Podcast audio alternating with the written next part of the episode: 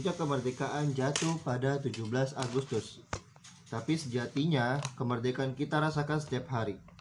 Selamat datang di channel Palugada Production spesial kemerdekaan. Ding ding ding. Teteret. Teteret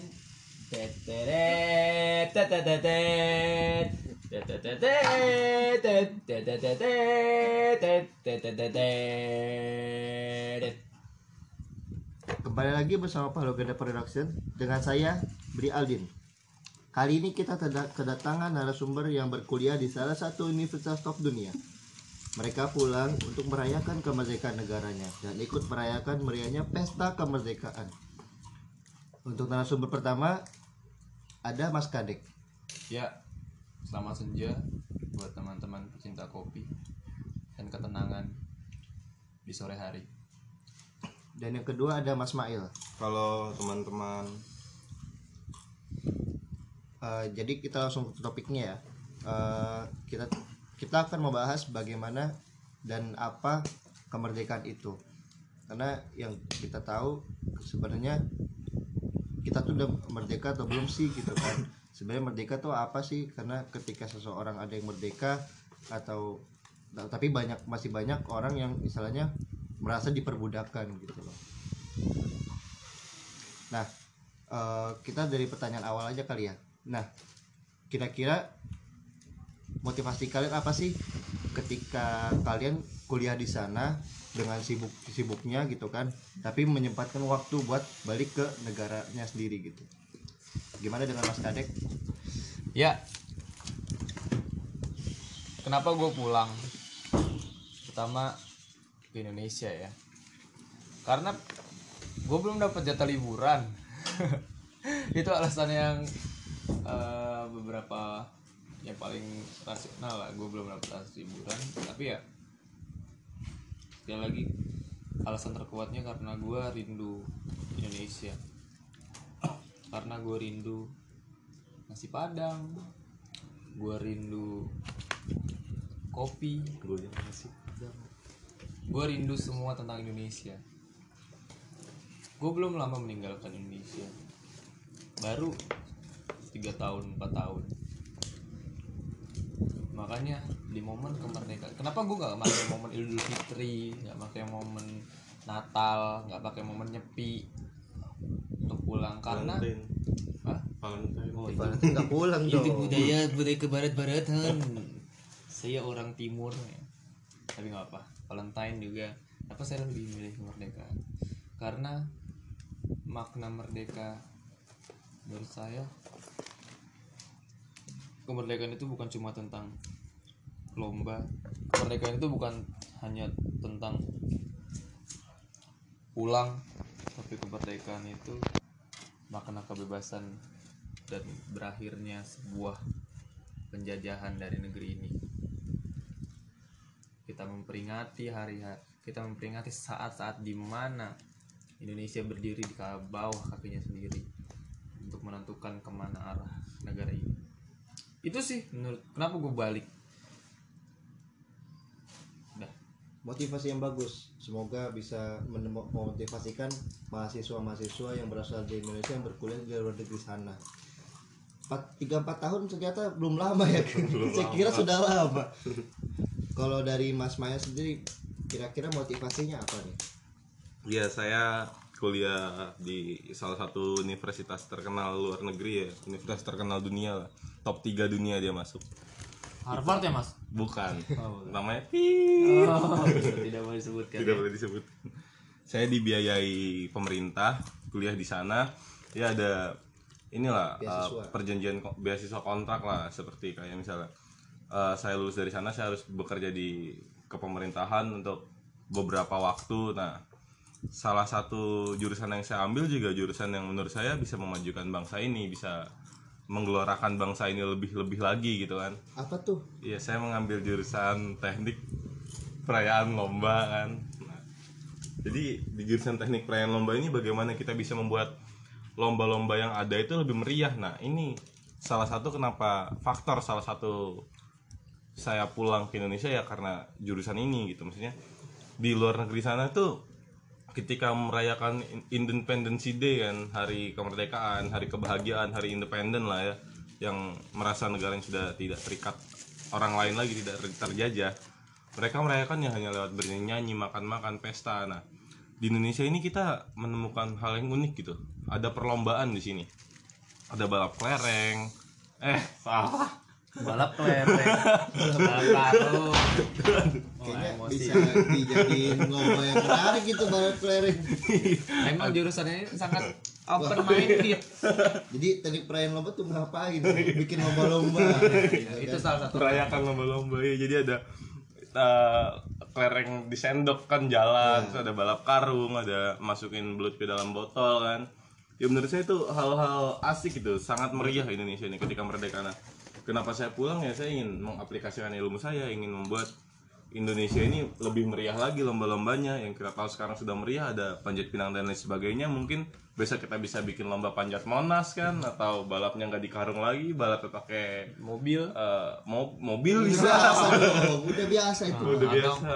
ya balap pakai Balap sendok itu. iya. Iya. atau adu outfit kan kita bisa Iya, buat berapa harga outfit antum Iya, tapi pakai budaya itu. daerah saya pulang ya karena selain kangen orang tua juga karena ingin mengaplikasikan ilmu saya juga sih mengembangkan perlombaan-perlombaan di 17 Agustusan ini terkhusus RT saya dulu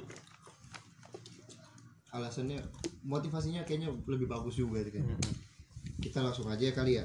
Eh, kalau dari Mas Kadek nih, merdeka tuh apa sih? Merdeka. Merdeka. Bagi saya sangat amat dalam artinya. So deep. So deep. Bahasa Jawanya sangat dalam. Ya, ya lanjut. ya merdeka itu kita terbebas independen kalau bahasa Inggrisnya ya. Kita berdiri di atas kaki kita sendiri. Berdiri eh, negara bangsa ini. Awal mula semua terbentuk. Awal mula terbentuknya nama Indonesia. Awal mula bangsa ini diakui oleh dunia. Merdeka ini secara garis besar bahwa rakyatnya dan seluruh perangkat yang ada di Indonesia ini mempunyai kemerdekaan untuk melakukan apa hal yang, dia mau. Dan cita-cita kemerdekaan sudah termaktub dalam undang-undang dasar maupun Pancasila. Yaitu arti merdeka menurut saya Bagus sekali. Eh, Enggak nggak bagus biasa aja mas. Bagus mulu mas. Kalau dari Mas Maya sendiri, kira-kira ke- merdeka tuh apa sih?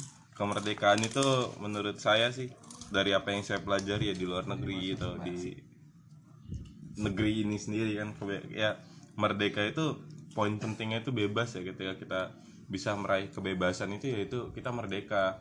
Maksudnya nggak harus kebebasan dalam hal yang begitu besar lah misalnya kita bebas beli uh, tank terus kita boleh parkir depan rumah itu kan terlalu ini ya. Terlalu bebas. nggak terlalu bebas terlalu barbar lah manusianya kalau saya bisa beli tank parkir depan rumah nih. Yang kebebasan yang saya maksud tuh contohnya kayak kita bebas berbusana bebas mengekspresikan diri itu kan udah termasuk kemerdekaan menurut saya. Kalau kita tahu film Dylan kan dia pakai jaket denim terus kerahnya beda warna terus di tangannya ada emblem bendera Amerika Banyak tuh. Iya, rambutnya dipotong rada mangkok kan, ya kan, eh pakai Honda CB Glatik 125. Orang-orang pas film Dilan itu keluar kan pada ngikutin gaya Dilan kan. Ya gaya-gaya biar kayak Dilan lah, agak bad boy bad boy gitu, sering ngomong rindu dan segala macamnya kan. Nah, coba kita eh, compare sama orang-orang di tahun sebelum merdeka. Mungkin di sana juga ada sosok-sosok Dilan lain, mungkin ada ada idolanya kan, tapi nggak bisa mereka ngikutin gayanya karena ya mau gimana bajunya cuma dari karung goni aja kan gitu. Jadi sekecil itu kebebasan berekspresi itu maksud maksud gue juga ya termasuk kemerdekaan di situ. Atau mungkin cewek-cewek yang suka K-pop lah. Nah, kalau tahu kan ada cewek-cewek yang ngeluarin rambut di ujung-ujungnya doang ya. Nah itu kalau zaman zaman sebelum merdeka kita nggak bisa melakukan itu. Atau sebatas ada yang suka apa ya suka ini deh suka main futsal. Sekarang kan kita bebas main futsal bisa malam jam 8 jam 10 ya selagi tempatnya belum tutup. Nah zaman dulu tuh orang nggak bisa sebebas itu buat main. Apa pun itu mau dia main futsal main apa nggak bisa. Karena Iya. orang zaman dulu sibuk sibuk mukulin batu nambang bikin rel kereta api atau bekerja menanam padi untuk orang asing ya. Seperti itulah banyak kebebasan kebebasan yang sebenarnya sudah kita dapatkan dan itulah yang maksud saya merdeka kebebasan berekspresi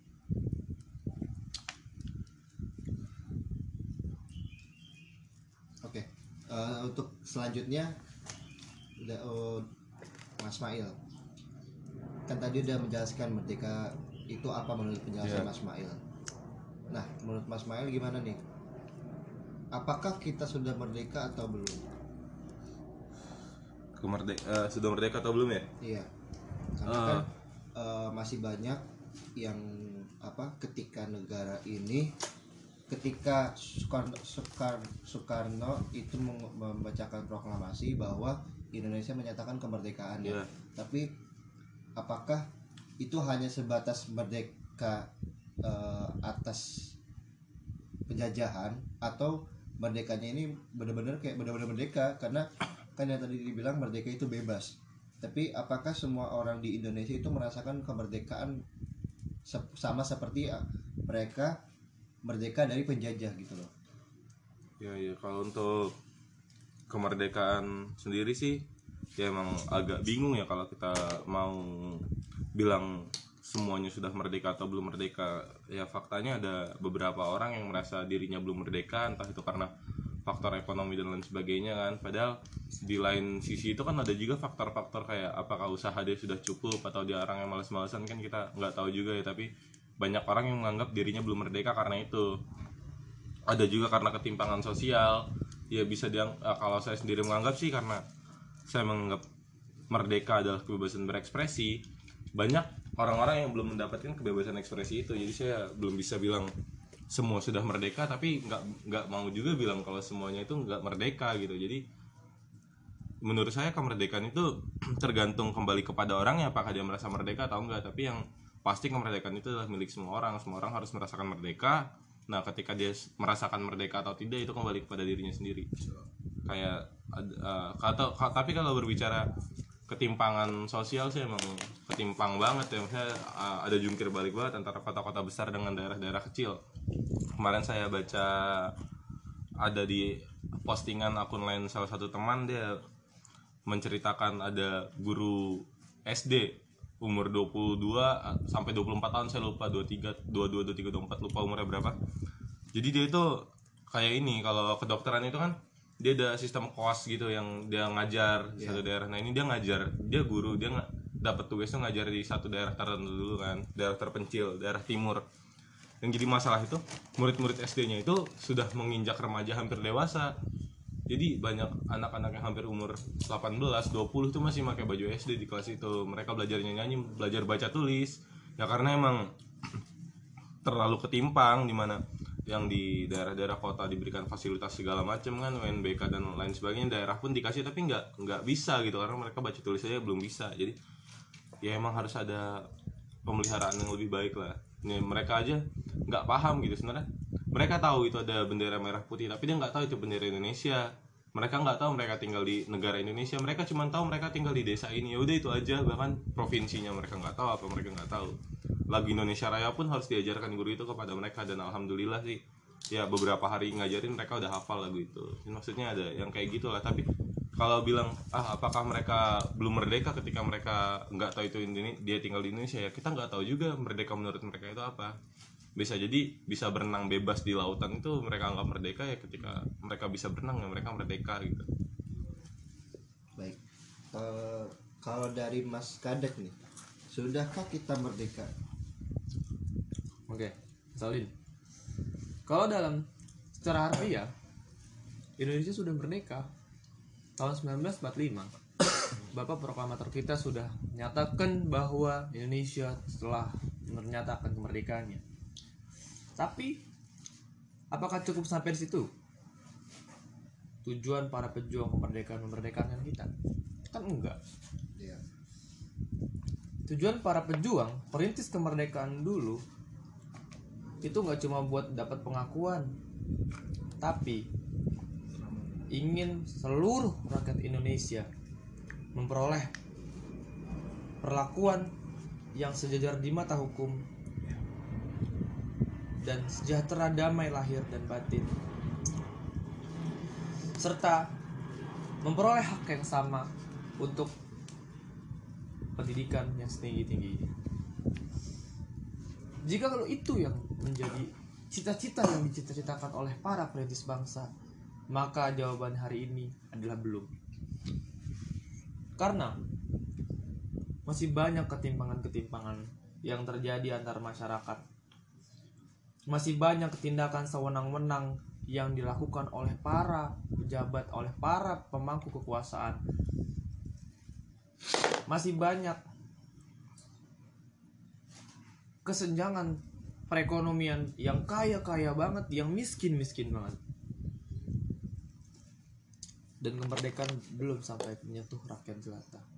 Contoh, beberapa waktu belakangan yang sedang eh, viral viral ya di dunia media sosial waktu saya baca di apa salah satu media sosial bahwasanya ada anak Paskibraka. paskibraka tingkat daerah nasional saya lupa- agak lupa tentang tingkatannya itu kalah. Tidak diloloskan seleksi karena ada salah satu pe- anak pejabat yang membeli jabatan. Jadi dia membeli kursi yang sudah ditempati oleh orang itu. Dia orang yang anak yatim dia tapi berprestasi. Dia tidak punya uang jabatannya diambil. Hak yang seharusnya di harusnya dia yang sebagai pemegang baki upacara 17 Agustus di eh, salah satu daerah malah diambil oleh anak pejabat itu yang tidak pernah latihan tidak pernah tahu yang namanya berusaha tapi dia berhasil masuk tim inti karena dia menyogok. Dan saya lihat dia mereka bangga gitu. Ada postingan yang sampai anak itu yang yang sudah di yang sudah nyogok itu mereka bangga. Lu gue yang punya duit ngapa lu yang ribet? Iya. itu kan masih ada gitu ternyata sistem-sistem eh, yang ku, yang kaya yang menang. Yang yang tinggi bukan mengayomi tapi yang tinggi menguasai. Lalu juga banyak.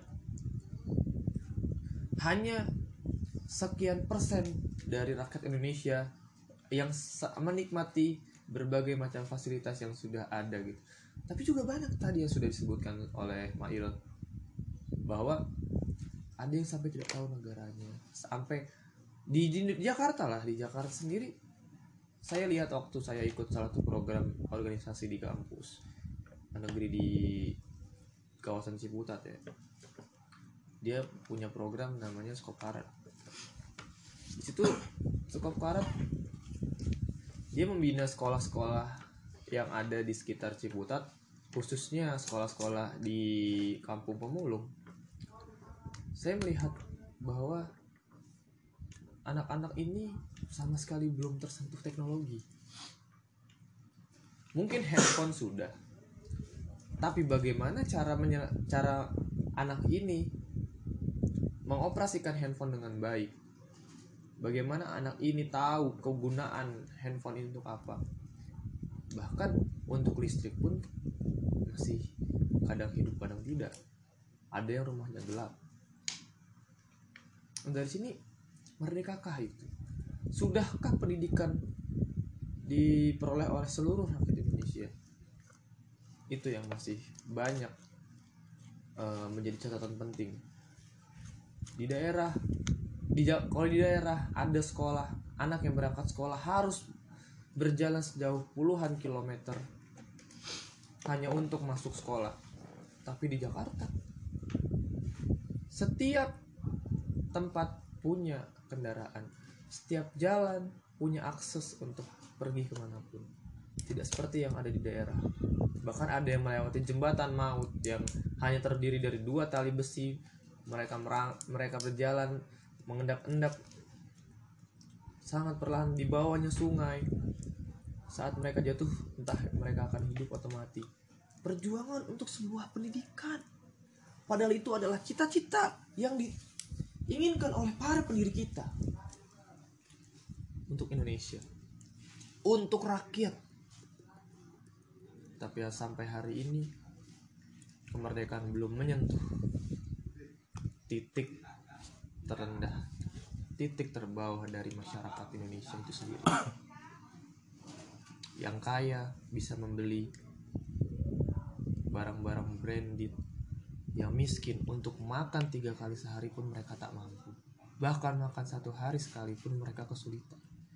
Ini kah yang dinamakan merdeka teman-teman yang lebih bisa paham. Baik itu penjelasan yang sungguh complicated kan? Dari Mas Kan dari Mas Kadek. Nah, eh, selanjutnya kira-kira menurut Mas Kadek nih merdeka itu atau kemerdekaan itu seharusnya itu yang kayak gimana sih? Karena kan eh, dari yang bisa kita simpulkan dari penjelasan Mas Mail dan Mas Kadek bahwa sesungguhnya Indonesia itu sebenarnya belum merdeka karena kan masih banyak istilahnya yang tadi yang punya uang itu mensalahgunakan uangnya dan yang miskin masih tetap miskin gitu kan jadi eh, menurut Mas Kadek merdeka atau kemerdekaan tuh kayak harus kayak gimana sih gitu Oke, terima kasih. Sebenarnya ini tentang membina kemerdekaan ya berarti ya. Iya. Bagaimana seorang eh, kita memandang bahwa merdeka ini untuk untuk siapa? Sebenarnya merdeka itu kemerdekaan adalah tentang kesadaran. Dan kemerdekaan itu maka membina kemerdekaan adalah usaha untuk mengarahkan masyarakat Indonesia menjadi merdeka, menjadi individu yang merdeka. Sebagaimana pernyataan umum yang sering kita dengar bahwa mempertahankan lebih susah dibanding dengan mendapatkan. Betul nggak, Mair? betul Sangat nyata di kehidupan kita sehari-hari. Sebagai contoh, mempertahankan dominasi kita pada olahraga bulu tangkis di dunia ini lebih sulit dibandingkan dengan negara-negara lain yang merebutnya.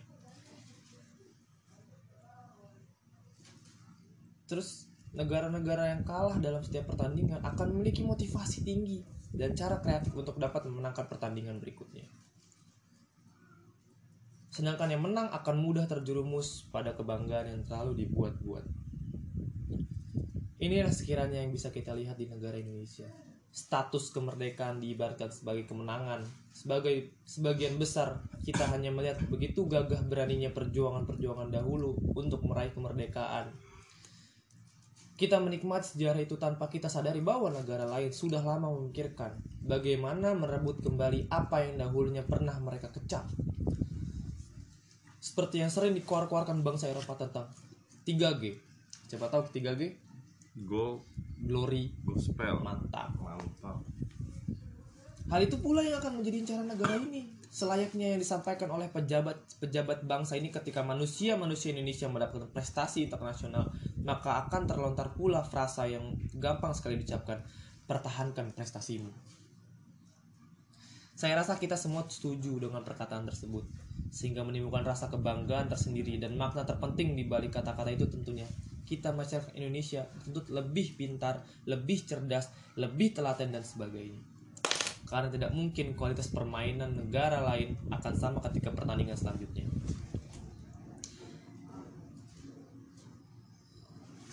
Seperti itu.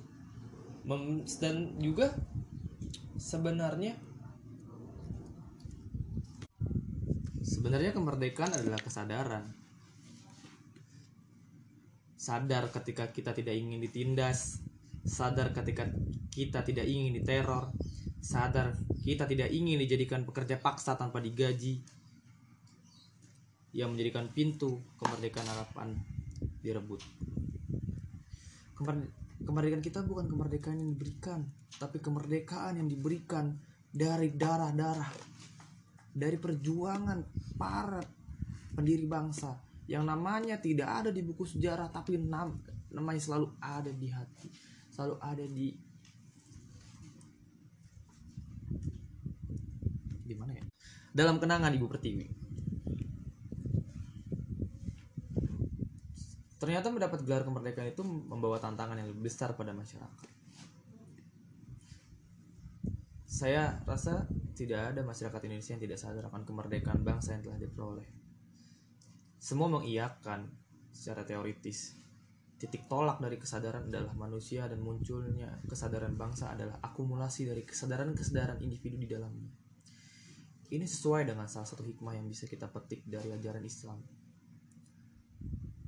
dari ajaran agama. Salah satunya adalah Islam. Bahwa Allah tidak akan mengubah nasib suatu kaum kecuali mereka sendiri yang merubahnya. Manusia sebagai subjek yang dinamis. Selanjutnya adalah manusia Indonesia sudah sadar bahwa secara individu bahwa mereka sudah mendapat kemerdekaan sehingga bisa dengan percaya diri berkata bahwa bangsa ini telah merdeka. Dari gua cukup.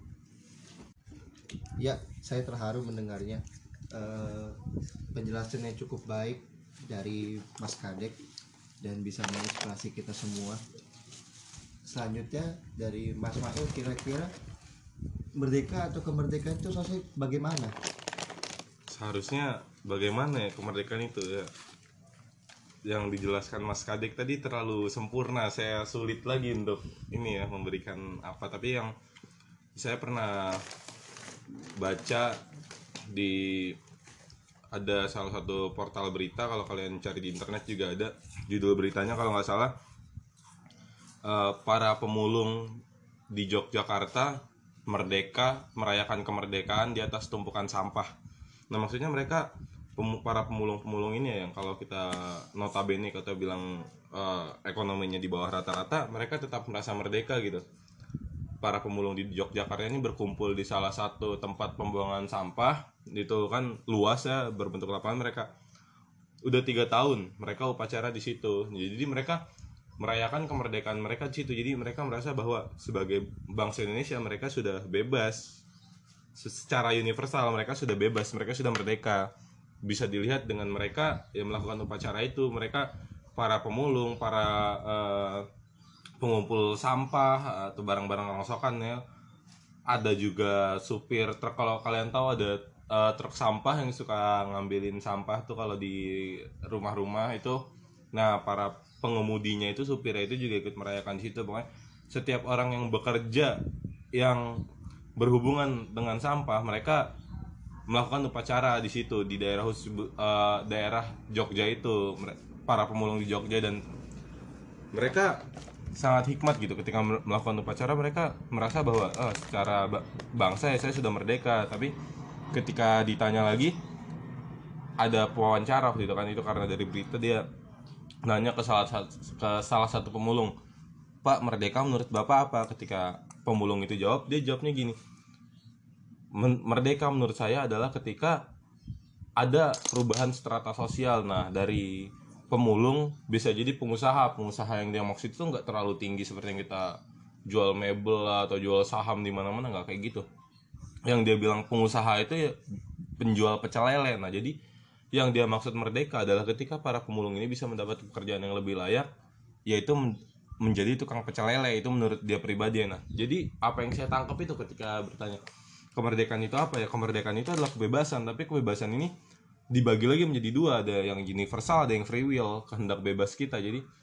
secara universal sebagai bangsa kita sudah bebas kita tidak lagi dijajah kita tidak lagi di eh, di pekerja paksa lah, tidak disiksa atau tidak hal-hal yang merugikan kita secara manusia lah itu sudah tidak ada lagi ya dari negara lain nah yang menjadi masalah itu ketika universal sudah kita dapatkan apakah free will sudah kita dapatkan? Nah untuk mendapatkan sebuah free will ini ya kehendak kita ya kita harus berusaha gitu untuk memerdekakan diri kita sendiri ya. Saya berkaca dari pemulung tadi yang bercita-cita jadi tukang pecel lele ketika ditanya dia sudah mer- merdeka atau belum? Ya secara universal sudah. Sebagai bangsa Indonesia dia sudah merdeka tapi secara diri sendiri dia belum merasakan merdeka karena dia masih sulit untuk hidup di tanah sendiri. Begitu Aldin. Ya, terima kasih kepada Mak Ilsan dan kepada Mas Kadek. Eh, sungguh menginspirasi, semoga bermanfaat bagi kita semua.